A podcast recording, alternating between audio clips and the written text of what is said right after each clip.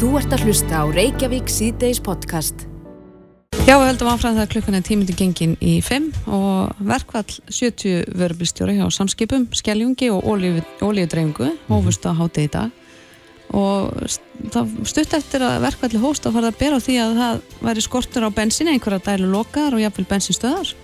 Já, og verið að loka fyrir svona almenna umferð, leiðubílar hafðu forgang á einhverja stöð, Einmitt. var ekki lámúlan? Jú, uh, já, með minni það. Já, eða felsmúla. Felsmúla, já. Uh, á línunni er Henrik Örn Bjarnason, framkvæmtastjóri N1. Góðan að blessaðan daginn, Henrik. Já, góðan daginn. Já, hver er staðan hjá ykkur núna?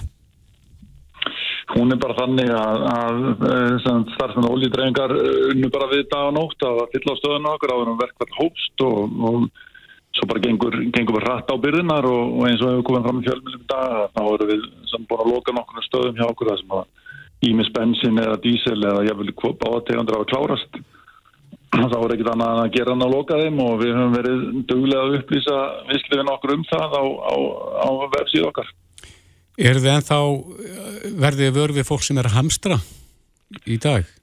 Já, já, já, já. Við, við sjáum alls konar skílátt dreygin fram, frá 20 litra brúsum upp í, upp í 1000 litra tanka, smurulautunnur og alls konar búin að dreygin fram, þannig að, að, að hérna, uh, það er búin áverð að fylgjast með þessu en, en, en vonandi að, að fólk meðhandli, meðhandli þessar, þessar efnavöru varlega. Mm -hmm. Það hefur náttúrulega verið vara við því að hamstra mikið af bensinni. Getið þið eitthvað svona beint fólki frá því? Við höfum ekki viljað taka það að okkur að stöðva fólk uh, sjálf þessi líka bara starfsfólkins okkar vegna. Við höfum ekki viljað setja fólki okkar þegar aðstöður að reyna að koma í veg fyrir eða banna fólki að taka á, á starri íland en, en okkur finnst kannski alveg að okkur litið eða aðrir eiga, eiga kannski að beina þessum tilmælum til uh, almennings eins og gert hefur verið virkilega vel. Einmitt. Og uh, það má kannski geta þess að áhrifina gætir þá hér á höfuborgarsvæðinu, hver að gerði og ölfusið það ekki?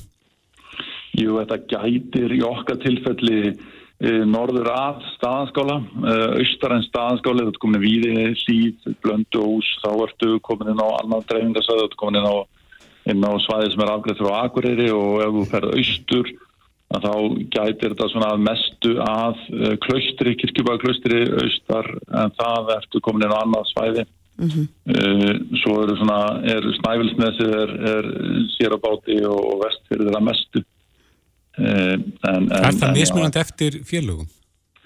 Mér, mér sýnist það. Mér svona með hvað ég les í, í fjölmjölum að þá, þá virðist það að vera eitthvað misjast, já. Já.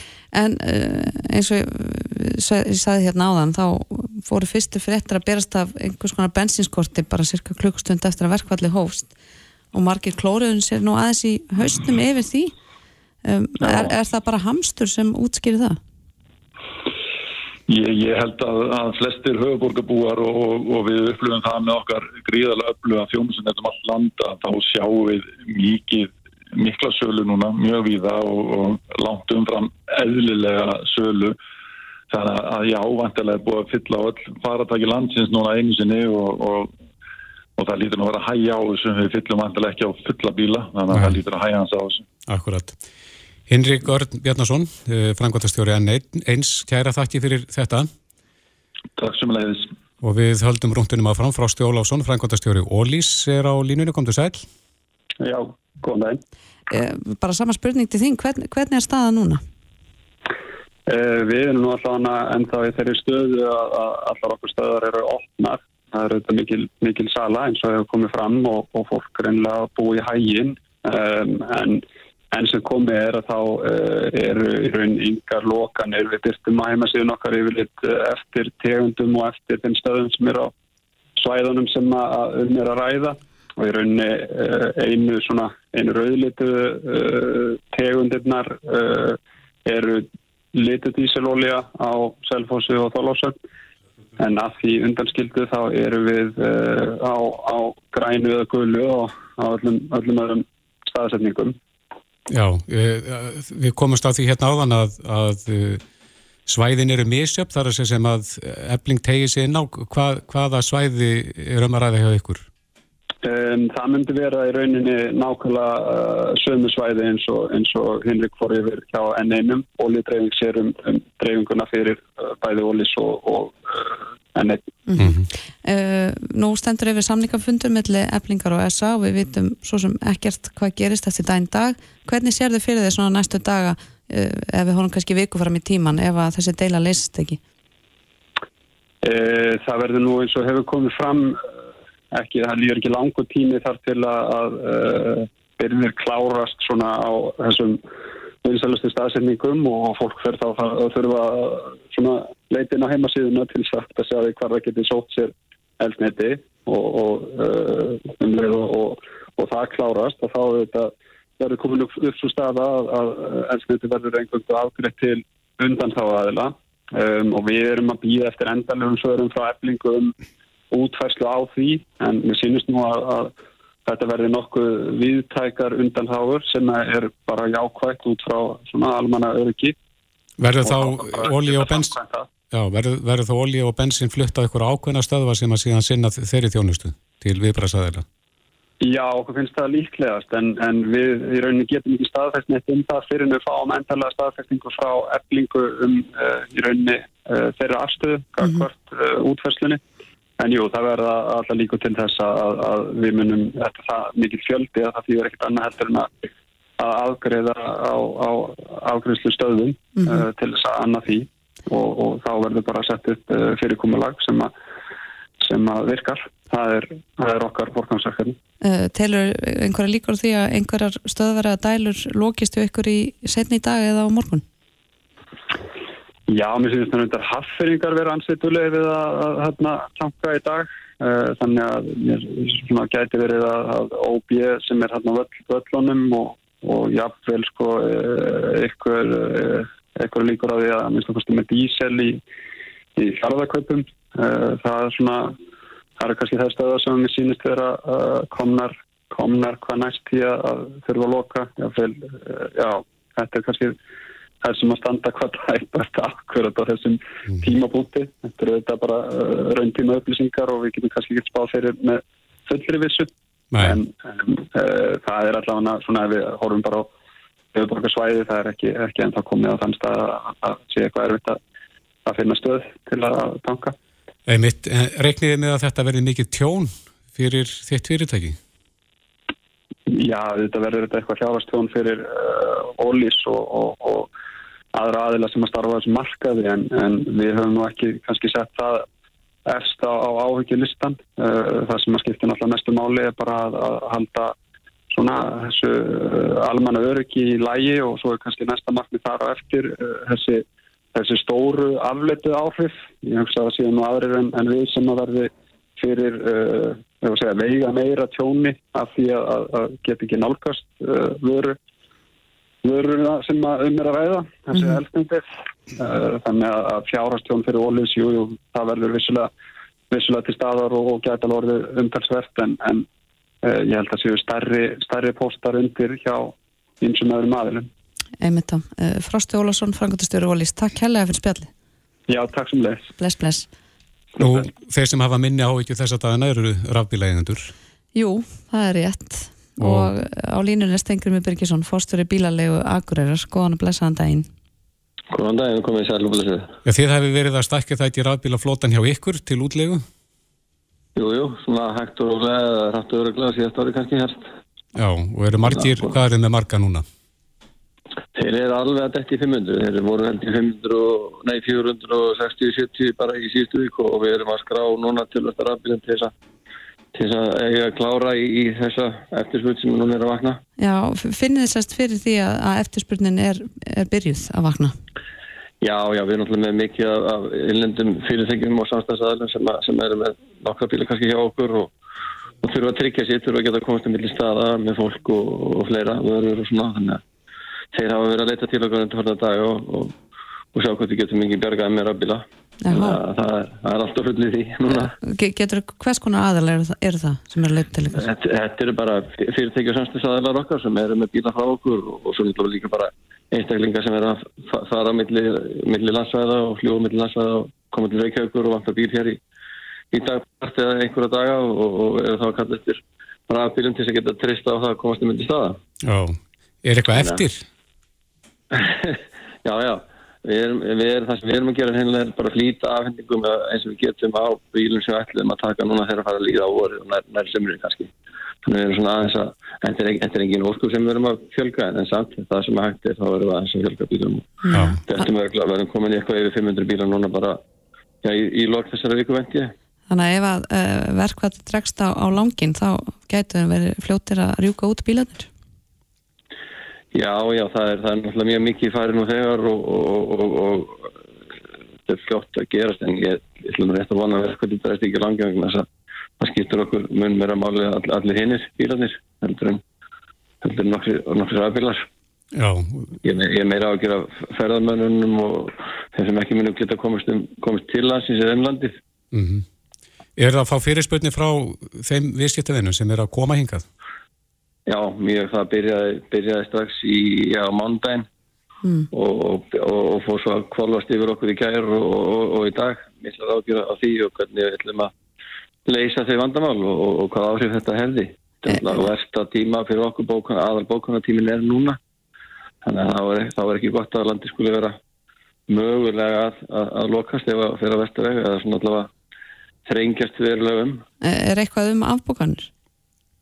Það er lítið byrjað að koma en það er samt, uh, fólki farið á orðið svona, hvað það segja, óttastlegið að fara að stressast yfir þessu og hvernig á ég að koma mér á villi staða og hver ég gist og svo framvegið sko. Þannig, þannig að þetta, þetta er strax farið að hafa mikið láfið, það er alveg ljóst.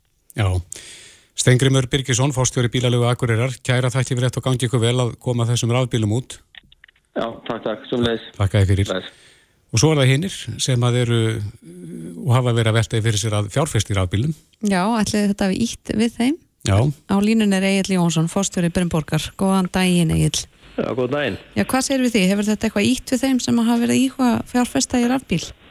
Já, ég heyrði mitt í sölustjárun hjá okkur fyrir viðtalið og við finnum nú alveg ábyrjandi meiri áhuga í þessari viku heldur en í síðustu. Ári byrjaði rólega í bílasölu og það voru alltaf aldrei mikla verðhækkanir á bílum um áramáttin mm -hmm. en fundum alveg meira líf og okkur finnst ekkert ólíklegt ástæða að sé svo að þessi verkvarsumráða og, og bensinskortur og svona íti minnskosti við þeim sem voru byrjaðar að huglega að fá sér rafbíl. Og þeir láti þá kannski þeir klári máli núna Já, og þið finnir, þið finnir það og þínir sölumenn að, að fólk er að spyrjast meira fyrir um þetta. Já, og það er svona að menn eru alveg að nefna þetta og maður sér þetta í umræðin á netunum líka að, þannig að þegar mér, mér finnst líklega að þetta sé að hafa þessi áhrif að því það er ábyrgandi breyting í fyrirspurnum um rafbíla í þessari viku. Við mælum alveg fyrirspurnum hver einstu degi og hver einstu viku mm -hmm. og það er aukning í þessu en þetta getur maður ekkert fullirt að þessi vegna þess en það er ekkert ólíklegt því að þetta er kannski það sem hefur stóra breytingir á milli tímabila. Einmitt. Eh, má ég spyrja, hvers konar eiginleikum er fólk að leita eftir þegar það er að spyrjast fyrir um þessa rafbíla? Hvað er það sem skiptir fólk mest máli? Það er náttúrulega mjög misjafna þarfir hjá hverjum og einum en við vorum til og með síðan fyrra þá var Brimborg stærsti inflýtandi rafbíla til Íslands. Við seldum 1343 rafbíla. Og vorum með tæplega 23% af markanum. Og þetta eru alls konar bíla þetta eru smábíla sem er noti fólk er að noti snart. En þetta eru líka stærri bíla sem fólk er að nota bara sem bílnúmer 1 á heimili svona mm. jeppar eða jepplingar og síðan er þetta fyrirtækin og það voru mjög mikill vöxtur í til þess að ráknúnu sendibílum og þar voru við líka stærst í, í fyrra og Opel stærsta rafsendibílamerkið á Íslandi. E, eru fyrirtæki þá kannski líka að, í meira mæli núna að forveitnast um uh, rafknúna sendibíla? Engi, engi spurning, við finnum það líka samlega, þetta eru bæði einstaklingar og fyrirtæki. Mm -hmm. Þeir eru líka, er það ekki að leia út rafbíla? Já, svo erum við með bílög líka. Og það hefur vaksið og jógst mjög mikið fyrra útlegan hjá okkur í rafbílum. Og þá mest innanlands til bæði fyrirtæki og einstaklinga sem kannski vildu síður eiga bíl en vilja leia hann á langtímanlegu og við fórum úr einhverjum bara 10-15 bílum, rafbílum í fyrra í um, réttæfla 100 bíla í, í, hérna, í lokárs mm -hmm. Og við sjáum að þetta eftir að auka sérstaklega þegar svona hlæðslu innviðinni fara að styrkjast því að það er kannski líka þannig að sá sem leiðir rafbíl, hann er kannski ekki með endilega aðganga hlæðslu innviðum heima hjá sér Nei. og þá þarf hann auðvitað að geta komið í svona almenna hlæðslu innviði mm -hmm.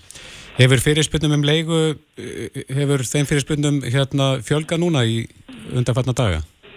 Ég veit ekki, ég náðu bara ekki að kanna það fyrir viðtalið með, mm -hmm. með leiguna, þannig ég get ekki fullit um það. En, en, en varðandi rafbíla, maður nú heyrst að það sé alls konar bygglistar hinga og þangað, ef ég kemi til henni í dag og vildi skipta þér á rafbíl, áttu bíl fyrir mig? Já, það er að batna frambóðu og í sumun tegundum þá eigum við til bíla sem við getum hafðið strax öðrum, öðrum er aðeins meiri bið mm -hmm. en það hefur doldið batnað umtalsvert bara undanföndur svona tveimur, þreim mánuðum aðgangur að bílum bæði íhluta vandamálun á heimsvísu er að batna eða svona er ekki eins slæmu svo þau voru. Mm -hmm. og svo hefur eftirspunnin á bara heimsmarkanum eftir bílum heldur minkað bara út af efnaðsástandinu þannig að það er auðveldur að fá bíla. Já, en það er kipur og, og fólk er svona velta þessu alvarlega fyrir sig núna og sérstaklega kannski ljósi umræðu undan fannar daga. Já, og, og þetta er þetta með fólk er að sjá að, að vera á rafbíl er alveg gríðalega hagkvæmt versus þessum hefðbundum sprengirheifils bílum, bensin eða dísel mm -hmm. bílum, þannig að margir voru komnir á stað í hugleðingarnar og stundu þarf ekkert kannski mikið meira en svona umræðu til þess að íta fólki yfir strikið sko. Einmitt að, já, Egil Jónsson Fórstöru Bremborgar, takk kærlega fyrir spjalli. Takk svo leiðis. Þú ert að hlusta á Reykjavík C-Days podcast. Reykjavík C-Days heldur áfram, klukkuna vantar núna rétt um 27 mínútur í 5 og það eru þessi verkvældsmál sem að það var dreyið tilkvæð eftir sér eftir dóm landsréttar núni í vikunni, mm -hmm. þá er lagaleg óvisa í gangi um það hvort að Ríkisáttasemiri hafi þau laga úræði sem hann held hann hefði. Einmitt, uh, Lára Vaf Júliusdóttir var hann ekki í bítinu bara í morgun. Jú. Uh, Mætti skilja á henni að fótunum hafi verið svolítið kift undan ríkisáttasemira. Mm -hmm. Hann er reyna að hafi verkværi sem hann geti faktist ekki notað. Einmitt. En uh, á línun er Ásmundur Friksson, þingmaður sjálfstæðsflokksins og hann er reynda líka nefnd að maður í velfæranemnd. Góðan blessaðan daginn. Já, komið sæl. Já, því nefnd, hún eh, hefur með vinnumarkaðin að gera, velferðanemndin. Hvernig metur þú stöðuna sem að uppi er núna? Ég held að hún sé náttúrulega bara afleit og hún er slæm og hún er vond fyrir okkur öll. Hún er náttúrulega gríðarlega vondri. Það er fólk að búið að hafa langa tíma til að semja. Við erum að tala um bráðabæra sem er frá því nógum við síðast í eitt ár. Þannig að hérna, það er bara mjög stutt eftir því 80% af, af, af að fólkinu er búið að semja um, um, um kjör enn tíma þetta vilja hann virkið sinni að, hann hafa aldrei gett betri samning og alls ekki svona stutna samning þannig að það er nú náttúrulega mjög ótrúlegt að að svo taki lítið hluti sig út úr samfélginu og, og vilja sérkjöra því að búa höfubóðsæðinu ég held að það sé náttúrulega bara alveg bara ótrúlegt. Og svo bara öll þessi staða á þessum málum e, e, sáttatillugunni og, og meðfrið dómstála og því kemur við mjög óvart.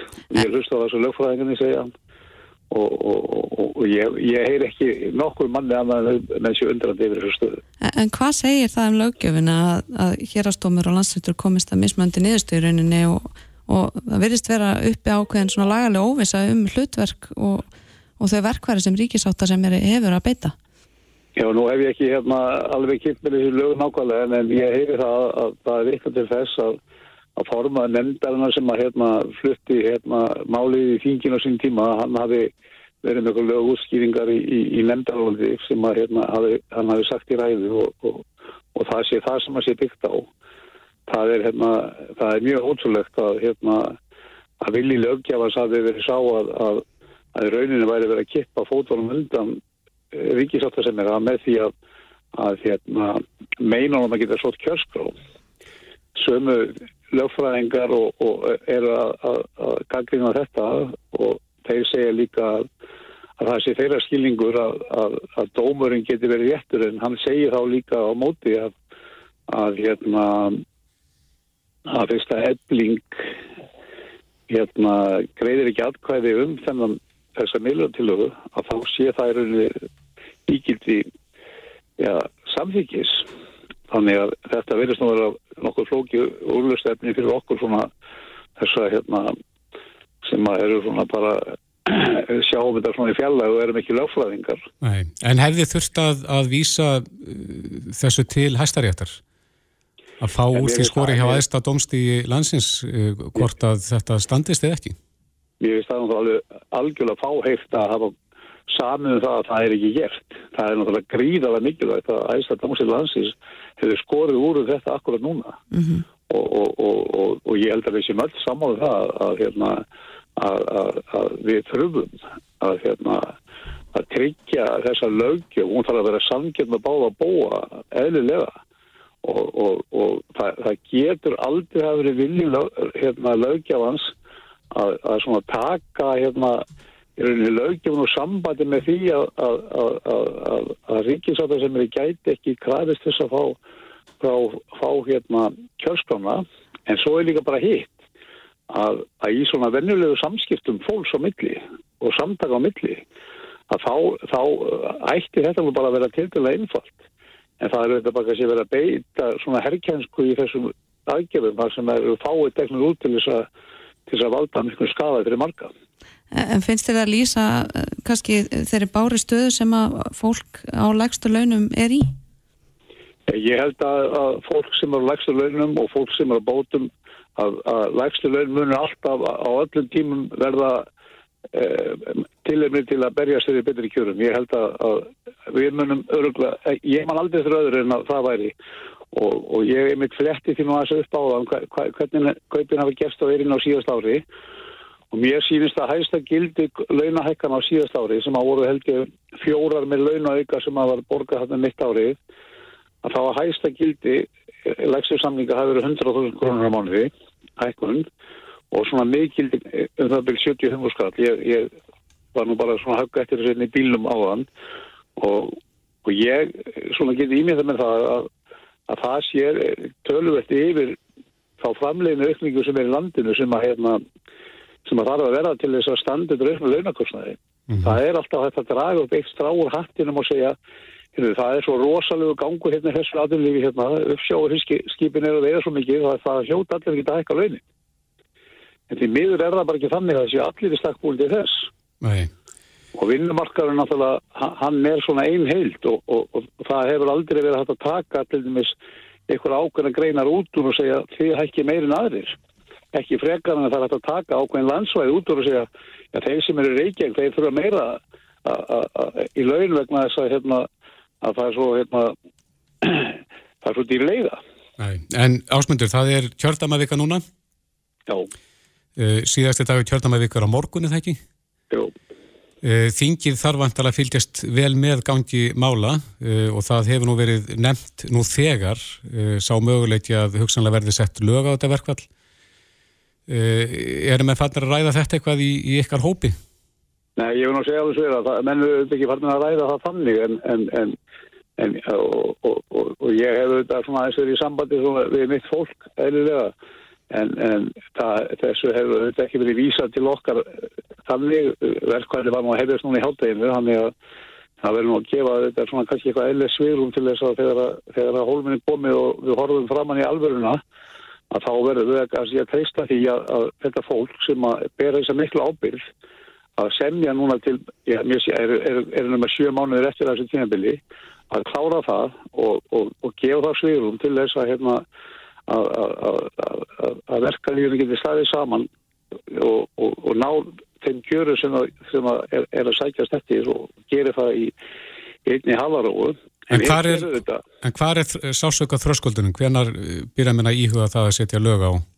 Já, mér finnst þetta bara gagvað, ef ég tala bara um, um, um mig sem einstakling og, og okkur sem fjölskyldur, að þá, ég heyri bara mínu börnum og barnabörnum að, að það eru bara allir að hafa ágjur mm -hmm. og, og, og hérna menn að kaupa sér bensin og brúsa sem er náttúrulega bara stórhættulegt og Þannig ég held að sásöka þröskuldurinn sé mjög lár og, og ef að þessu verður náttúrulega vísað til þingsins eh, að til þess að leysa málið, það sem er náttúrulega aðlagast kosturinn, en þá þurfum við þetta, þá þarf þingið þetta rísa undir þeirra ábyrg og hlaupa þess ekki frá henni. Mm -hmm. Þannig að setja lögaverku all kannski bara innan nokkura daga, viku ég, ég, ég er bara, nú er ég bara teiknum þess að vinn, skilja, mm -hmm. þegar þið spurjið mig svona það er auðvitað, það vil engin að það veri gert En? En, en, en þeir spurjið það hvað þingir eigi að gera ef þetta kemur til þess til kastafingsins mm -hmm. að þá, og þá er náttúrulega fólkið stjórnmyndi held að mm -hmm. og þá þarf náttúrulega þingið að rýsa undir sín ábyrg það, það er ekki nóg sko, eins og er alltaf í þinginu. Að menn eru það alltaf að tala um að það sé til nóhand öllum og það sé svo mikið til öllum og það með ég aldrei segja nefnir að menn þurfa líka stundum að fara í óþörja vinnuna og, og, og taka á hlutunum. Það, er, það getur verið sált en, en við erum bara kosin til þess að rýsundi fyrir ábyrg sem á okkur er varpað Já, eins og það að setja lög á verkvöld Því miður hef ég þess að taka þátt í því Já, Já Ásmundur Freiriksson Eh, þingmaður og nefndan á velferðanemnd þingsins. Kæra þakki fyrir þetta. Við skulum vona að, að, að deilu aðeins ná að semja áður og til þess tímur. Ef við ekki bara heita á þau. Akkurat. Já, tökum myndið það. Takk fyrir spilli. Ég held að þetta leiði að þau kláraði maður í kvöld. Það flökkum við bara til. Takk fyrir. Ok. Bless, bless. Þetta er Reykjavík C-Days podcast. Reykjavík C-Days, við höfum uh, spjallað svolítið um uh, gerðvigreindina. Já og það er spurning hvernig gerðugrind mun hafa áhrif á framtíðina mm -hmm. svona í hennum ímsu gerum, til dæmis helbriðsgeran. Já og við heyrum til dæmis áhegjur kennara því að nefnendur séu fættar að nýta sér þessa tækni til þess að skrifa heilur ítjæriðnar. Jú og hugsanlega kemist maður í gegnum langt háskólanám bara með gerðugrind, ég veit það ekki. Nei. Hver er tilgangurinn að fara í skóla? Já, Stefán Ólásson, kennari og rannsakandi við gerðugrindasettur háskólans í Reykjavík er komið til okkar, velkomin. Takk fyrir. Þetta er svolítið stór spurning, hvernig lítur framtíðin út uh, þegar við tölum um gerfigrænt? Er einhver leið að spá fyrir um það? Þetta er bara allt á uppleið. Já. Nei, ég, þetta er, er erfitt að svara. Við vitum það ekki. En uh, það er, já, það hefur ímislegt gerst núna síðustu misseri í þessum málum. Mm. Hvað er við komið langt? Hvað getur þessi tækni gert? Já. Við hefum hér talað um chat GPT, það er svona það já. sem við heyrum helst um þessa dagana. Hvað er komið íslenskt heiti við það? sjálfur sér ekki en það sem að þetta er uh, þetta eru uh, chat GPT er samræðu kerfi mm -hmm. og það notast við mállíkan risa mállíkan bak við tjöldin og það er GPT hlutin og það er sérstaklega bara heiti á tiltekinni aðferð til þess að mhm. búa til þess að kallast mállíkan og hvað er það? Það er rauninni bara risastort tölfræði líkan sem getur spáð fyrir um næsta tákn sem getur verið það getur verið orð hluti, eilt orð eða tákn bara uh, á liklaborðið, þið veitir mm -hmm. Um, og þetta til þess að þjálfu upp svoleiðis mótel, þá þarf uh, heil ógrinni og heil ósköpin af texta og gögnum. Uh, og, og hérna þá og, og, og mótili sjálf þarf að vera gríðarlega stórt. Og tengjast þá einhverjum öðrum uh, uppsprettum af þessum texta eða hvað? Sjálfsir ekki, þetta er bara risastórt gagnasafn, ég held að þessu Uh, ég held að þetta kallast common crawler allavega eitt hluti af þessu sem notað til að þjálfa þetta GPT líkan þetta er eitthvað um hundru miljardar orða sko En hversu nákvæmt er þetta? Er allt saman satt og rétt sem að kemur út úr þessu? Nei, það er nefnilega ekki, ekki svo Nei. og það er, getur verið erfitt að átt að sjá því hvort það sé, verið, hvort það sé að segja satt eða ekki mm -hmm. af því að textin lítur vel út og þetta gengur í rauninni út á e, þessi, þessi risa mállíkönn þau fá eitthvað intak, þú þarfst að setja eitthvað inn, spurningu eða segja eitthvað og svo spáir það bara hreinlega fyrir um hvað er næst. Næsta tákn, skiljiði? Mm -hmm. og svo tekur það það og matar það inn í sjálfan sig aftur.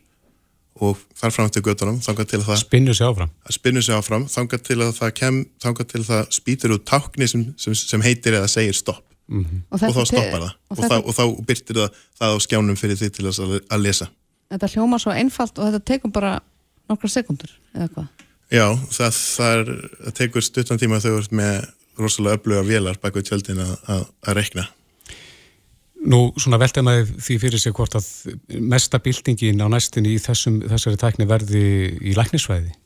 Erum við fannir að nýta þetta þar? Já, fólk er farið að nýta þetta þar og, og rauninni að kanna möguleikan á því að nýta þetta þar við erum ennþá bara alveg, alveg á byrjun að reyta hann í séð það er engin, eh, það þarf að fara í gegnum alls konar leifis eh, ferla og annað til þess að, til þess að fá að, að nota svona lagað mm -hmm. en vissulega eru rannsakandur og, og bæði á hilbrísvístasviði og, og tölunafræði og verkfræði megin að velta fyrir sig hvernig við getum nýtt þetta En þetta geti vantarlega sparað ógrinna fjármunum eh, að nota gerfigræn til dæmis í einhvers konar fjár heilbriðstjónustu eða Já. slíkt það getur gert það en það er spurning hvort að fólk myndi treysta því Já, þú er það. Við þurfum að geta syngt fram á uh, virknina í, í því. Og þetta sé, eins og þú segir að, að það sé allt satt og rétt sem komið út. Uh, og með þennan texta sem við erum að horfa á í til dæmis ChatGPT, ChatGPT er, er þá samræðu kerfi sem nýtir sér þetta Mhm. og er þessi hérna, hugbúnaður á netinu sem er, sem er aðgengilegur eins og staðinu núna. Þetta, hérna, mér skilst að þeir sé að fara að rukka fyrir það núna sko, en, en hérna, ef ég væri þeir á myndi ég byrja á því. Mm.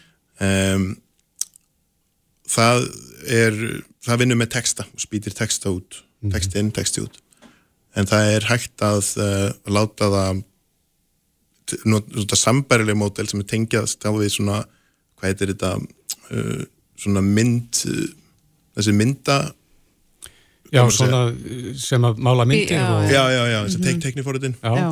um, og það fyrir texti inn náttúrulega, þannig að hann prósessar textan eitthvað en mynd. úttækið er mynd Já. og við, ú- núna er menn að þróa sambarlegt bara fyrir myndbönd Mhm. þannig að úttækið er myndband einhver lýsing á einhverju senu fer inn og út kemur bara myndband Já, já. Já, það er búið að búið til auðlýsingu og Myndband, tónlistamindband já, einmitt já. En sko, við heyrum náttúrulega þetta orð gerfigreind Mhm. og mörgum finnst það kannski framandi og hugsa þetta er eitthvað svona framtíðamúsík en þetta kom í rauninni allt um kring já, núna það sem gerðist kannski síðasta ári var að þetta kom bara beint í kjölduna á okkur sko, á, á okkur öllum og Var það þessi chat GPT hluti sem að, sem að kom allt í inn á sviðið og, og breytti leiknum? Ég myndi segja það, að það svona, núna er þetta svona um, óneitanlegt. Þú getur ekki lengur sagt, þetta er eitthvað starfun í skuffu hjá okkur rannsóknarstofnun. Mm -hmm. Núna er þetta bara komið og þetta er komið til að vera og við erum að sjá ógrinni af fyrirtækjum og uh, já, alls konar aðalum sem eru farnir að, að búa til hugbúnað sem nýtir svona málíkun. En svo heyrum við að þetta, þetta er að koma í bakið á risum eins og Google. Eru, eru þeir að, að verða að sitja eftir í Já, þessu kaplöfum? Google AI er náttúrulega, er kannski sko, aðferðin sem þeir þróuð á sín tíma hérna, fyrir nokkrum árum er það sem er rauninni hefur, hefur skipt hvað mestu, mestum sköpum í þessari þróun sem við sjáum í dag Mhm. þannig að þeir náttúrulega eru ennþá hluti af þessu og allir þessi tæknirísar eru, eru partur af myndinni en það sem við gerst nýlega er að, að, að þeir hafa kannski verið svolítið svoandi varandi hérna, möguleikana á því að geta spjallað á meðan hún leitar til dæmis. Og það er til dæmis það sem Bing er að og Microsoft, hérna, þeir stukku svolítið á það og fjárfestu gríðarlega í OpenAI, það eru þeir sem að hérna, gefa út GPT mm -hmm. til allt saman. Og, og já, þeir stukku, það, stukku á það til að vera fyrstir til að geta nýtt spjall og leit á sama tíma. Mm. og þá kannski getur þau svolítið bætt svörin af því að þú notar bara ChatGPT eitt og sér þá ertu með þetta risamál líka bak við tjöldin og, og það læri kannski eitthvað líka á samræðum sem fólk á við það. En þú ert ekki líka að nota leitarvél sem getur bara leita fyrir það á netinu. Og það er svona það sem með skilsta Microsoft sé og Bing sé að reyna að, að gera. En er þá ekki bara Facebook okkar að fara að fyllast enn meira af auðlýsingum um utanlandsferðir og því um líkt þegar við erum að, að leita á Bing um ferð til Danmerkur Já, það er spurning, ég meina en þetta er bara notandu upplifunar atriði hjá Facebook væntalega, hversu mikill er verið að drita auglýsingum á notandur sína hvort að fólk hérna, það myndir náttúrulega enda með því að fólk nennir ekki nota Facebook Mhm. þannig að En þetta er leikbreytir, segir þú, kom inn á síðast ári, en, en þú átt að líta núna fram í tíman, er von á einhverjum öðrum leikbreyti og hver er hann það? það, það er nefnilega máli með þessi þessa tækni, það er erfitt að segja hvað kemur í kjölfarið og eins og hvað getur við sagt um þegar interneti kom Mhm. hver hefði spáð fyrir um hvernig það er því nýtt og, not, og notað sko Mhm. og, og, en ég meina þetta breytir í hvernig við búum til texta allavega akkurat núna og hvernig við forritum til dæmis, nú eru forritar að nota þetta til þess að bara nú þegar að- til að spjalla, eiga í samræðum um kóðan sinn sko, við Mhm. vélina sem getur hjálpað þeim að skrifa kóða um, eins og þú sagði ráðan að nemyndur eru kannski að nýta þetta til þess að skrifa einhvern texta fyrir einhver verkefni í skólanum og svo framvegis og ég nota þetta nú sjálfur bara til þess að fá góður hugmyndir Mhm. ef ég er með rittstýplu Og hvað, hvað gerur þú þá? Hvað séru? Hva, hvað gerir þú til þess að fá hugmyndir? Já, maður er kannski með óljósa hugmyndum eitthvað sem maður þarf að skrifa, segjum tölvupóst til einhvers og þá getur maður bara að skrifa eitthvað stikkorð og hérna, þá fær maður, uh, getur maður beðið um nokkrar útgáfur af ákveðnum texta Já. og svo tekum maður það og ég persónulega allavega copy-pasta ekki beint inn í neitt, ég horfi á textan og þetta kemur frá mér sem upp er staðið, mm. mitt nafn er á tölvupóstunum, þannig að við erum ennþá á þeim stað að, það, að við sem erum að nota þessi tól uh, gefum þessu grænt ljósa einhverju leiti, því sem fer frá okkur þannig að þetta mun mögulega samt breytast sko, eftir því sem nákvæmlega verður meiri og maður getur einhvern veginn treyst í sem er að koma út og mm -hmm. reysastóra spurningin í þessu öllu er hvernig vindur því fram, það er að segja gagsæginu og, og, og hvertu hérna, það, það er mögulega þáttur í þessu trösti öllu saman. Mm -hmm. en, en það er ekki að spá fyrir um næsta leikbreyt en er þetta að spá fyrir sko í, eða hvaða geiri mun uh, hagnast mest á gerurgrönd, hvar gerurgrönd mun spila svona veiga mest að, mest að hlutverki ég, ég kannski ekki alveg rétti maður til að spyrja það því hvaða geiri verður uh, ég meina allstað er það sem að eins og staðin er núna, allstað er það sem að uh, menn þurfa að vera skapandi með texta til dæmis, þá getur þú strax byrjað að nota þetta veist, og, og, og nýtt þetta í þínum merkverðlum sko. Um, til að skrifa veist, ég veit ekki, bara skrifa fréttir og svo framvegis maður getur strax séð það fyrir sér. Þannig að við verðum kannski öll atvinnulegs hérna að breyna nás Já það er spurning um gæðin þá ég meina að þú getur ekki treyst þessu alveg að þú veist ekki nákvæmlega hvað er að koma út þannig að þú þarf alltaf að aðtöða hvort þið er og þarf alltaf að breyta textanum alltaf, segi ég, ég meina eins og staðin er núna. Aðeins að, að, að renni yfir hann allavega. Aðeins að renni yfir hann uh, Gæti ég látið uh, þessa tækni skrifa fyrir mig skáldsögu sem ég gef út næstu jól? Já, er það ekki bara? Ekki bara að láta það að reyna Já, það er hægt. Þú gætir það, faktist, já, já. já. Og þá er spurning hver á textan Og hver á ah. textan? Hver á textan sem að uh, mótilið var þjálfað á? Mm -hmm. Er það óljóst? Já, þetta er bara tekið á netinu Ég meina, það er ekki ljóst nákvæmlega hverja leiði fyrir hverju og svo framvegs Nú, þetta er, þetta er hérna eru samræðir sem að er að eiga sér stað hérna myndlistamegin til dæmis. Mm -hmm. það eru þessi uh, forrið sem er að gefa út uh, að búa til myndir. Sem eru byggðar á öðru myndum. Já, já. það eru þjálfuna gögnin eins og kallast. Mm -hmm. þessi mótel eru þjálfuð til þess að geta spýtt út eitthvað ákveðinu úttæki og, en til þess þá þarf ógrein á gögnum og hvaðan komu þau gögn Þannig að kannski ekki gott er Kristófur að taka sénsinn á þessar skáldsögu Nei, kannski ekki Eða hvað? Eflust ekki. Eða út með góðanlegfræðing. Já, byrja á því. Já. Já, Stefán Ólásson, kennari og rannsakandi við Gervíknendarsettur Háskólans í Reykjavík. Þetta er, þetta er spennandi tækni og við heyrum að það er margt í náinni framtíð sem við hefum þetta að sjá nýtt. Gerða það ekki fyrir komin. Takk fyrir. Þetta er Reykjavík C-Days podcast. Það er Reykjavík C-Days heldur áfram og við ætlum aðeins að snú okkur að deilu eflingar og samtaka aðdunlífsins. Já, það er... Uh, þetta misræmi á milli uh, dómstega mm -hmm. varðandi uh, þessa sáttatillugu eða miðlunatillugu og þessa kröfur ríkisáttasemjar um að ebling afhendi honum félagsgrá til þess að halda atkvæðgræslu um miðlunatilluguna. Mm -hmm. Hérastómur taldi eblingu vera það skilt að afhenda félagsgrána og, og saði miðlunartilluguna vera réttmæta en landsettur komst hins vegar að þeirri niðurstöðu að ríkisátt að semira hefði ekki umbútt til að krefast þess að fá þessa félagsgrá. Nei, og þá hefði maður haldið að úrlausnarefni hæstaréttarætti þá hefur næst. Já. Jón Stina Gunnlaugsson, hæstaréttadómari og eh, hæstaréttalögmaður og fyrirvirandi hæstaréttadómari er komin til okkar, velkomin. Já, takk fyrir það. Já, þú hefur viðra þá skoðun ofinbeglega að ríkisátt að semira hefði ekki haft heimil til þess að eh, semjum þetta mál.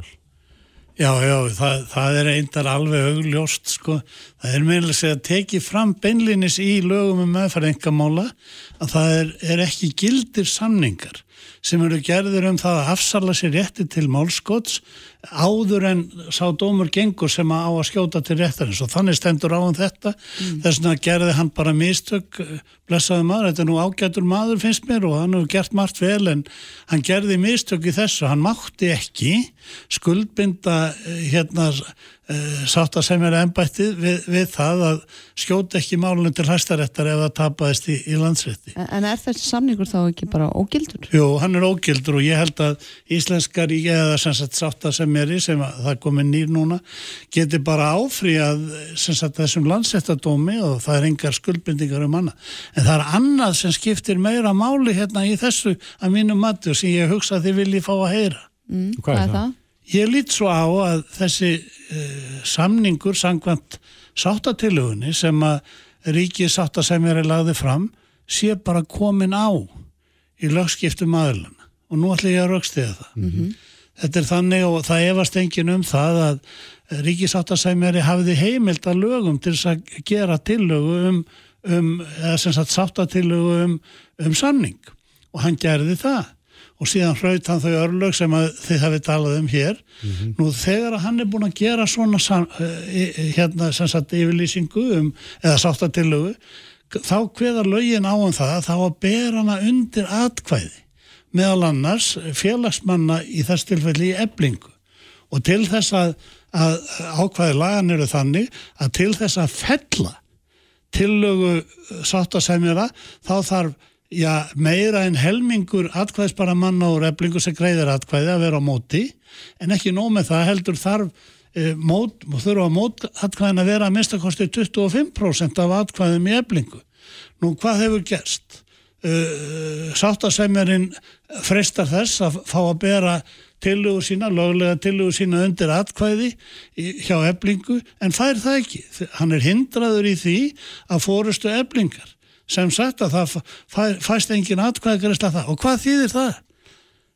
Ebling, félagsmenni eblingu hafa ekki fælt sáttatiluguna og hvað þýðir það? Hún er bara í gildi þeir, ef að þeir afsala sér rétti til þess að greiða atkvæði um þessa tillugu þá eru þeir meðal annars að, að gefa frá sér möguleikan á að fellana vegna þess að lögin hveð áum það að til þess að fella sáttatilluguna þá þurfum við tiltekin þáttöku í atkvæðgreyslu og tiltekin atkvæðifjölda nú þeir hafa hindra það með valdi En er eitthvað tímara með á þessum?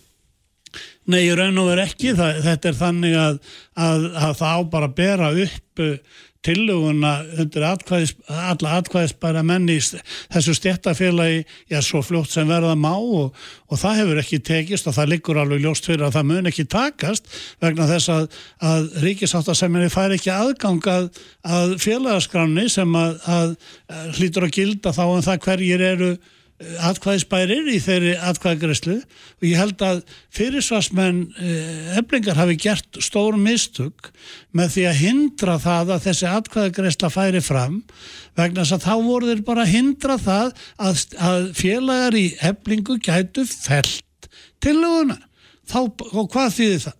Það þýðir bara tillagan er í gildi. Hún er réttilega framborin, það er búið að reyna allt sem hægt er til þess að fá hann að borna undir atkvæði. Það er fyrirsvarsmenn eblingar sem að hindra það að það geta átt sér stað, niðurstaða, uh, það er komin á samningur. Í samræmi við sáttatillugu uh, ríkisáttasemjara. Mm. En, en, en þú ert semst að segja að settur ríkisáttasemjari gæti núna uh, áfríðað til hæstæðar. Já, það er svo aftur annan mál. Ég held, já, já. Að, ég held að þurfu ekki að gera það. Já, já, hann getur áfríðað. En heldur að þurfu ekki að gera það? Nei, ég, ekki, ef að þetta er rétt sem ég er að segja núna og ég get satt að segja ekki segja hvernig það á að vera annað rétt. Þannig að samningun er gildi Þá er bara komin á samningur í samræmi við tillöguna sem að fyrir, hann er núna farin frá, Ríkisáttasemjari, gerði og, og hérna vartir meðferðar og hvers vegna er hann komin á? Vegna þess að fórusta eblingar hefur hindrað félagsmenni eblingu í því að fella samningin eins og þeir hefðu geta gert eftir reglum lagana. Mm. Þeir fá ekki að gera það. En hvers er að ákveða það að þessi samningu sé í gildi? Bara, þetta, þeir, þeir sem, það, það er bara þannig að það er kjara sem, hvers er að ákveða það að kjara samningar sé í gildi í landinu? Það eru bara þeir sem aðild eiga að þeim og ég held að það líki bara þannig fyrir að þessi kjara samningur er í gildi og það er óheimilt að, að halda upp einhverju verkvöldum á þessu sviðvegna þess að það er í gildi kjara samningur Er það samtaka atnurlífsins þá núna að, að krefjast þess að, að þetta veri viðkjönd? Já, það myndi ég halda að þeir ætti að gera ég satt að segja að það er svo búið að vera svo, ég heyrði á þannig að voru að tala um gerfigreind sko, mér finnst að, að, að þetta mál hafi verið fjallað um það ofnböru vettvangi undir formerkjum gerfigreind, eitthvað sem ég kalla í strákskap mínum gerfigreind sko, en hérna mér finnst að það er búið að segja svo margt ramt og vittlust um þetta og meira segja það að þessi mikla baráttu konar sem að fer fyrir eblingu og hún á svo sem allt gott skiluð og allt það að hún er búin að spilla möguleika síns félags á því að fella þessa sáttatilugu. En, en, en var þetta atrið með þessa félagaskrá? Út að milnatilugan er réttmætt, það Já. er allir saman um það, Já. en af hverju má ríkisáttar sem er að það ekki krefjast þess að fá þetta Já, félagaskrá? hann, ég held að hann hafi mátt gera það og það En kom, landsettur segir hann. það kom mér mjög óvart að landsettur skuldi komast að annari niðurstöð en það er auðvitað bara niðurstöð landsettur og við setjum uppi með hana ef má orða það þannig að, en, en það er einmitt hluti af framvindun í þessu að ríkisáttasemjari hann reyndi eins og hann gat að, að fá félagaskrána til hvers? Til þess að láta félagana í þessu félagi greiða atkvæði um sáttatiluguna. Hann gat það ekki. Hann var hindraður í því með valdi, vil ég segja, af hálfu fyrirsvarsmanna eblingar og þar með gat hann ekki láti greiða atkvæði um þetta og hvað segir þá? Lögin hveða á um það að þessi atkvæðagreisla sem átt að fara fram og hann var að reyna að láta fara fram hún, það var hugsanlegt að fella sáttatilluguna í henni skilinu voru þau að meira en helmingur þeirra sem greitu atkvæði úr eblingu og eru andvír tillugunni en, og það var ekki nóg, heldur þurfti e, það að vera að ákveðst eitt fjóruði hluti félagsmanna í eblingu sem feldi samningin. Nú þetta gerðist ekki Akkur ekki, af því að fyrir fórustu eblingar hindraði það að þetta geti gerst og hver er afleðingin af því?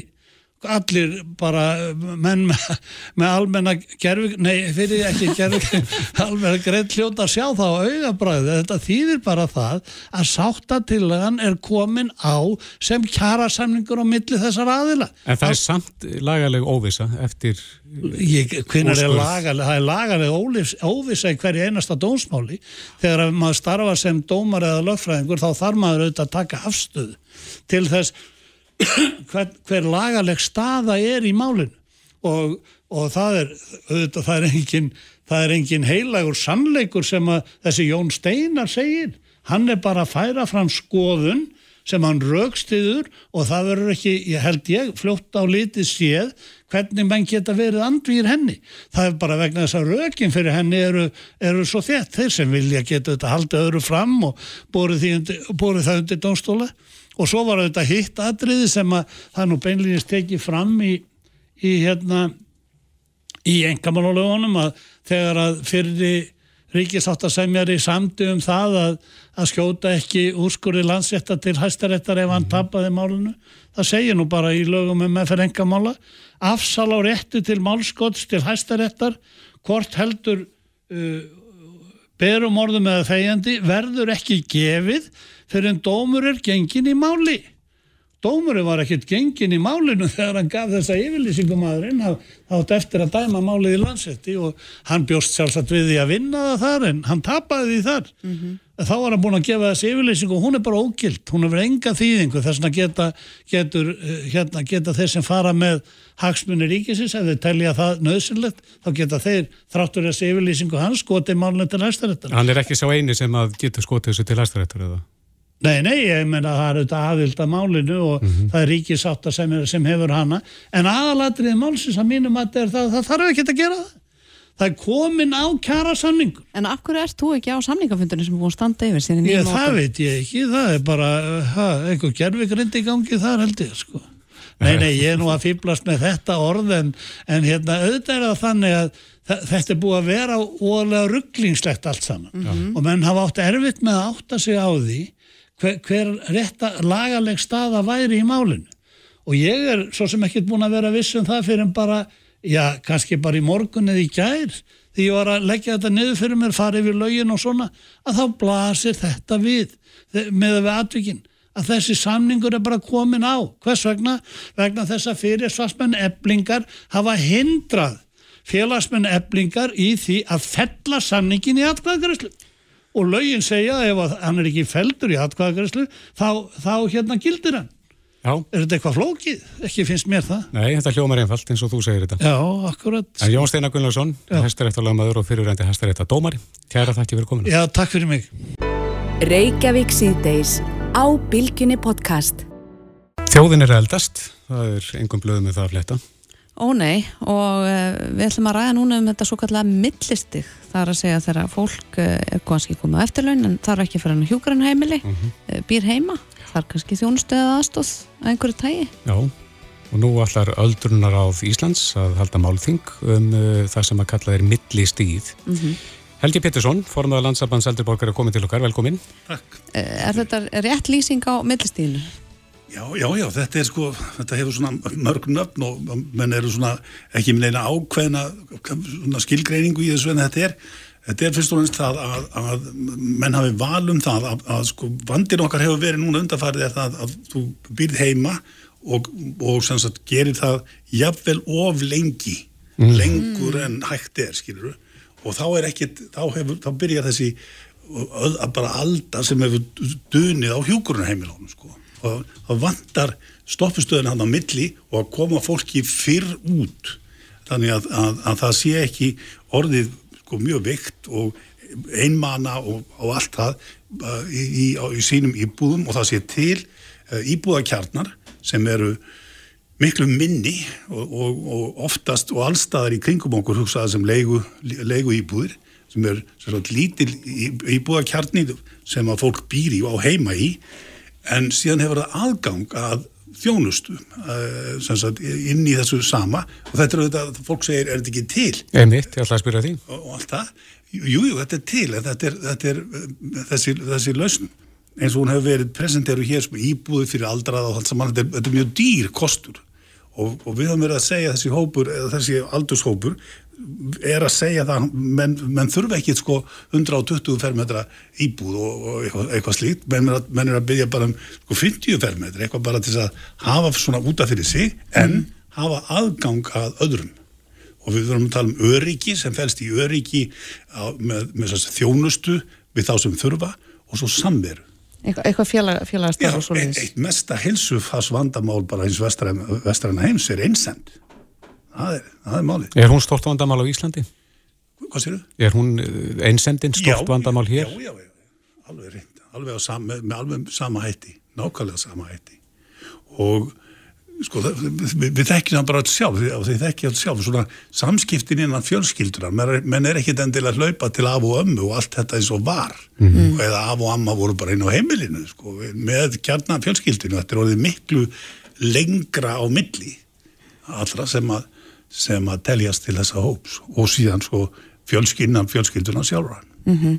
en, en er það semst að fólk dregur það að, að býr of lengi heimi á sér út af því að það vantar rými þetta millistík? Það vantar þetta rými og, og það sem er í, í, í það sem er í bóði það er hansi dýrt og, og, og fólk vill ekkit endilega binda sko uh, ákur á maður að eiga þannig séð uh, íbúð, ákur getur maður ekki lekt Eh, síðastu, síðasta spölinn þannig séð sko að, að eh, binda allt sitt í, í íbúð. Það er, það er mjög margi sem er orðinir, mjög mótfallir þeim möguleika eða því, þeir, þeir, þeirri stöðu mm -hmm. og er að byggja um þann möguleika að geta, geta legg En, en þá vantar vantarlega einhverja lóðir fyrir svona kjarna? Já, já Er það setjum tíma vandamál? Nei, nei, með það er ef að menn vilja leysa þessa, þessa, þessa hluti, það er nót til af lóðum, það er hérna stór, stór hérna bara hér á höfuborgarsvæðinu, náttúrulega stór hverfi sem verður að skipulegja, sem verður að byggja. Og við erum búin að fara og tala við alla þessa aðila og þeir menn er að taka þetta inn í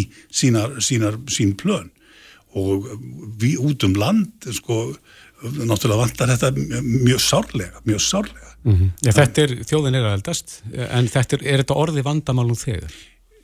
Já, ekki vandamál en bara að, að þessi, þessi löst skul ekki vera fyrir hendi mm -hmm. það er það sem við erum að benda á og, og erum að hvetja fólk til þess að þessa uh, sérfræði aðila byggingafélög og aðra slíka og, og mm -hmm. náttúrulega og svo sveitarfélög og aðra sem að þessu koma að, að gera þetta veruleika. Þannig að það verða að taka þetta inn í plön, hvað því það? Er þetta þá að fara að verða veruleika á næstu fimm árum?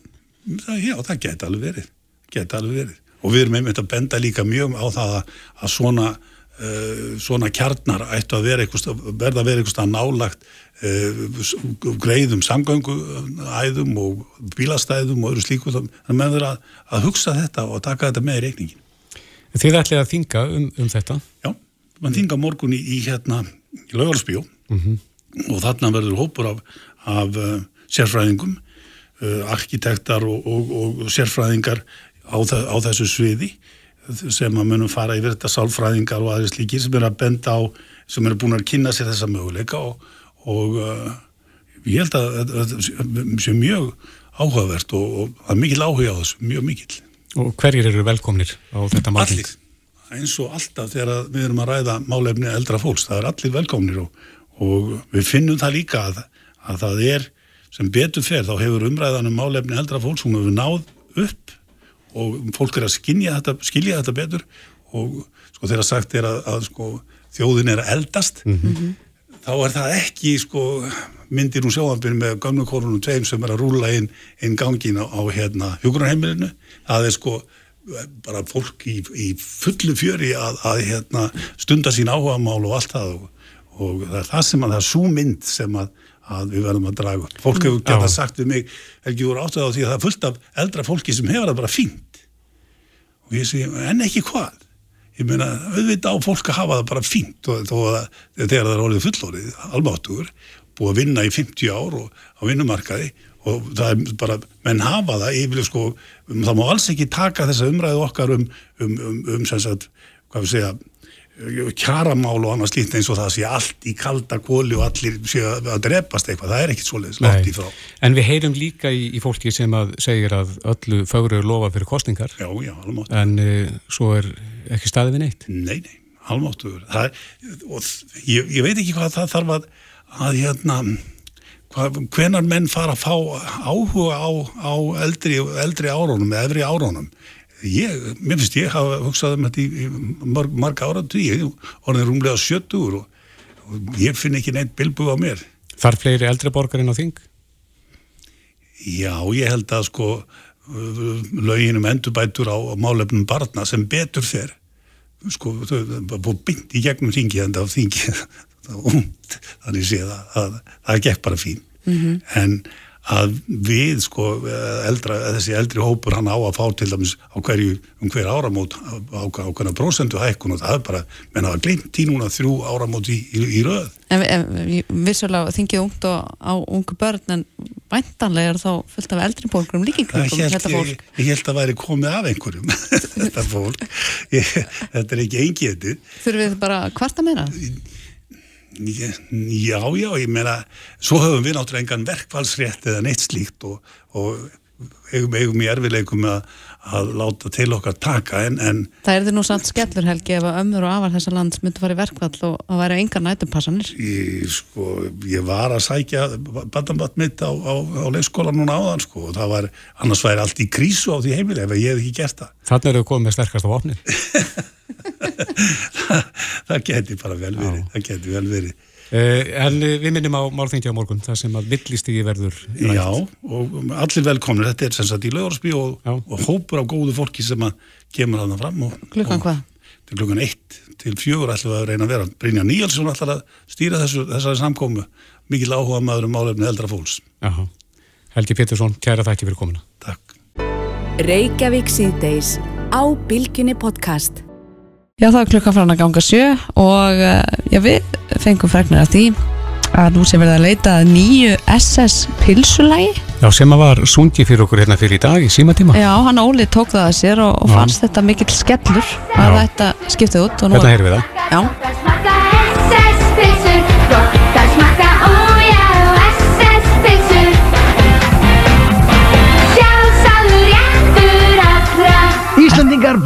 Borða SS-pilsur Þetta kunna, kunna náttúrulega allir. Hvert mannsbarn er það ekki? Jú, ég hef haldið það. Og maður byrjar svona aðeins að dilla sér. En akkur ætlaði það ég að stifta því út? Ég, það er bara mjög góð spurning. Hún Þórtís Björg Þorfinnsdóttir, leikosönguna er sest hérna hjá okkur til þess að krifja þetta mál, velkomin. Takk. Já, af hverju, af hverju á að skipta út SS-pilsulegin? Sko, það er náttúrulega áeiginlega ekki að skipta því út. Þá er bara að gera nýja útgáðu Já, Ah. af sama lægin Já, ég held að, að það sé það verða að vera sami textin sko og Ó. þessi Já. laglína en bara í nýjum búning sko. Já, ok, það og kannski frjálst, þú veist hvernig fólk skilur það en, en ég held að það sé, já bara með nýja útgáfu basically. Það er huggun. Já, það er það. Að þetta er náttúrulega bara þjóðar gersi með þetta lag sko og hérna þannig að það má ekkit eitthvað ekkit alveg breyta því. En, en, en gera eitthvað svona nýja ferska útgáfu og svo líka eitthvað annað hérna e, frumsami lag. Farða eins með yfir okkur, sko, þú ert í raun að stjórna leitinni að þessu uppfærða lagi. Já, það er nú komið út af því að ég er mikið gefin fyrir pilsur uh, það er klálega minn uppáhaldsréttur pilsur og, og þá aðalega SS pilsur mm. Oft í viku? Nei, ég er náttúrulega búin að vinna svo lengi fyrir norðan þannig að ég er mikið að fá mér pilsur svona þegar ég er að koma í og úr vinnu sko mm. Akureyringar bjóða nú ekki upp á hefðbundna pilsur Nei, en það er einmitt blöndós, þú veist, ef maður er að keira skilur staðaskáli, það er, þú veist það er alltaf að fá sér pilsu Og hvernig viltu hafa þína? Ég er mikið að vinna með sko karteflusalat Hafið prófað það? Já. Það er geggjað. Ertu búin að prófa að setja stert sinneb í botnin Já. pilsu og svo Já, kartablu það er geggjað. Og jafnvel smá sinneb líka. Það er geðvegt sko. Alveg, ég er, ég er með þér þarna. Já. Ok, þannig að þú ert mikill pilsu aðdándi og tókstu það bara upp á armaðina að, að leita nýju lægi Nei, það var nú reyndar ekki alveg, alveg svo gott sko. en hérna, ég var bara beðin um að hérna, stjórna þessum þáttum og það sem var svona kannski mest sko spennandi fyrir mig og er skemmtilegt er að þú veist, það er verið að gefa nýju tónlistafólki smá svona tækifæri á á að koma sér á framfæri og, og þættirnir eru sem sagt þannig að ég heimsæki þetta fólk og, og tek við töl og, og svona sé hvað þau eru að gera. Og það getur verið bara allt frá því að vera eitthvað bílskúrsband yfir í kannski eitthvað sem er jáfnvel búin að gera tónlist áður eða eitthvað sko Þannig að þú spjalla við þetta fólk og uh, svo er lægið sem er spilað til uh, hópsins Já, á eða tónlistafólksins. Og eru margir búin að senda inn tilugur? það er eitthvað svona, það er eitthvað að byrja að, að rannast inn. Þannig að vonandi bara ennþá fleira líka bara geggju verðlun í bóði það er náttúrulega bara einhver, einhverjar mjög háar fjárhæðir í bóði sko. Ég sá- Lýst því að byrðir af pilsum? einmitt. Ég þá ekki það sko 2 miljónir Tvær miljonir, já, Já. fyrir fyrsta sæti Það er ágætis peningur. Já, það ert að gera margt, það ert að köpa marga pilsur fyrir tvær miljonir sko. Já, þú veist allt um það. Ég veit allt um það sko. Þannig að það er ekki verra. En, en hvað hefur maður langan frest eins og svo ég færi heim í dag og ætla að semja lag? Já, það er, eh, ég held við hefum sagt hvað, fyrsti mars, eitthvað svo leiðis Ok, ok. Þannig að styttist. Það styttist, sko. En þetta þarf svo sem ekki að vera eitthvað alveg, alveg full klárað Ég hel- held að, hérna, svo fær, hérna, að að það er alltaf þetta bæta eitthvað við, sko. Þetta er smá svona söngkefni líka. Já, jafnvel, sko. En það er ekki allir sem geta sungið þetta ágæta lag, sko. Það er nú ekki Nei. fyrir hvað sem er. En ef ég stíl þetta rétt, þá, þá viljið þið fá annar lag með sama texta. Já, Eða er þetta það sama held lag og ein- útgáfa af- Já, já, bara ný útgáfa Af að þessu lagi? Já, já, Þannig að þú veist, í rauninni sko, það var, hann gerði hérna krassa sig, gerði útgáfu fyrir held ég bara einn, tveimur árum eða eitthvað sem var í auðlýsingu sko og það var bara svona, svona ný, uh, bara sama lagið en bara alveg ný útgáfa og mjög, mjög flott útgáfa, svolítið svona hipsteraleg, svolítið töf mm. þannig að þú veist, það má bara vera en ég meina það mætti rappa það til dæmis mm -hmm, það mætti gera hvað sem er sko ætlar, ætlar þú að senda inn tilugur sjálf? ég ætti kannski að gera það sko það er aldrei það verður ekki vel séð en, það er aldrei vita. boði? einmitt nákvæmlega Já. En uh, eru reglum það á að syngja um SS pilsur eða SS pulsur? ég myndi, sko, mér finnst pilsa fallera Mhm. og það er náttúrulega SS pilsur textin Það er rétt. það, þú veist, það er orðið en ég, ég segi yfirleitt pulsa sko Já. nema ég að passa mig Svo er einhver sem segja pulla já, ég er ekki já, SS pullur? SS pullur, já, einmitt Það kannski rýmar e- eitthvað betur við það, pullur. Já, það geti verið, jafnvel sko. En svo er það líka, þetta er í rauninni tvíþætt sko, því að svo viljum við líka fá bara lag sem er ekkert tengt SS sko, heldur Já. bara eitthvað og það eru sé- sérstök verðlun fyrir bara besta frumsamda lagið sem Mhm. getur bara verið hvernig sem er og þarf ekki að innihalda uh, eitthvað skonar pullur. Ekki frekar en maður vill sko. En sko, þessir þættir heita skúrin Já. og uh, hvenær má það búast við því að fáum að sjá þessa þætti? Ef við höfum til fyrsta mars þess að skilin lögum? Já, það fer þó bara allt í gang sko, svo fer bara domnemnd yfir að uh, það, það sem verður sendt inn og svona. Og svo er það bara í mars sem við förum að hérna pikka út svona kannski topp 5, 6, 7 veit ekki, fyrir eftir hvað er mikið að góðu stöfi Mhm. og förum þá að heimsækja liðið og sjá hvað þeir að gera og svona þannig að kannski lók mars fáum við nýtt SS pilsula. Já, ég myndi segja það sko. Já, svona með, já, mars-april kannski. Ég veit að það er margir sem andaðins léttar að heyra að það er ekki stifta út læginu sem slíku. Já, kannski sérstaklega Óli sem að ringdi í síma til maðan og söng lagið og fannst þetta mikill skellur að ætti að búa til nýtt lag. Þannig að Mhm. mjög gott að fá það reynd Einmitt. og við getum fylst með þessari leit inn á vísi.is Emitt, já, þetta voru síndir á vísir.is og þar ég mun örgulega gæða mér á einni pulsu eða tveimur sko í þáttunum. Já. Ég ætti kannski að spyrja fólk sem er að taka viðtölu hvernig þau vilja hafa sína pulsu. Mér finnst það bara frábær hugmynd og svo þarf þú að smakka Já, einmitt, já, það er enda frábær hugmynd. Alveg sama hver Hvað er sett á það, já, Já. einmitt. Já, það er sleið hér með. Þóttist Björk Þorfæsdóttir, söng og leikuna Takk hella fyrir spjallið og gangið vel í þessari leit. Já, takk. Og svo heyrðum við því fórstjóra bílalegu Akureyrar þeir hafa verið að stækka rafbílaflótan sinn og hann finnur fyrir auknum áhuga fólks á því að leia rafbíla í þessu ástandi. Já, fórstjóri Brennborgar finnur líka fyrir auknum áhuga á rafbílum bæði til kaups og leigu Mhm. hjá fyrirtækjum og einstaklingum uh, Við heldum áfram að ræða um uh, þessar kjara viðræður við Ásmund Friðriksson þingmann sjálfstæðisflokksins Mhm. Og hann vonar að þingi þurfa ekkert að blanda sér þetta og setja á sérstök lög um þessi verkvöld Já, akkurat, kannski ekki tíminn til komin að fara að ræða það strax. Nei, ekki alveg strax En svo rættum við líka aðeins gerfigreindina og uh, það eru spennandi tíma framöndan þegar það kemur að þessum uh, gerfi spjallmennum. Já, spennandi tímar samt frekar óvissir og við vitum ekki nákvæmlega hvað verður svona næsti leikbreytir ef svo má segja Nei, akkurat. Eh, Helgi Pétursson formar landsambands eldriborgar kikti við og ætlar að funda eða að þinga á morgunum svo kallað millistig Mm það vil fá sérstakka íbúðakjarna fyrir fólk sem að getur kannski ekki búið heima en þarf ekki að fara á hjúkunarheimili alveg strax Akkurat. Og svo rættum við aðeins uh, pilsulagið, SS pilsur, sem að uh, það verður óskæfti nýri útgáfa á því. Já, semst þá ekki að skipta út læginu Nei, þá bara uppfarða einmitt. Og við eigum eftir að spyrja eitthvað tíma hvort að fólk segi pulsa eða pilsa. En hvað færðu þér á pilsu, Kristófur? Uh, ég fæ mér allt nema stektan. Allt nema stektan, en bræði Allt. Allt En svo get ég borða stektan bara innan á sér. Já, það er rosalega gott, Já, ég ger það gott líka. Ég tek líka uh, karteflusalat uh, út, ef út í það er farið Það er svakalega gott Mhm. Kristófur, þú verður að fara að færa þig nær kartofursalatinu í, í pilsulífinu Verða að prófa það. Mhm. En við ætlum að spyrja núna næsta sólaringin um uh, verkfall eblingar, hvort að það hafi áhrif á fólk uh, svona í daglegu lífi. Uh, gerir það það? Svarið þeirri spurning vendilegin á vísi.is.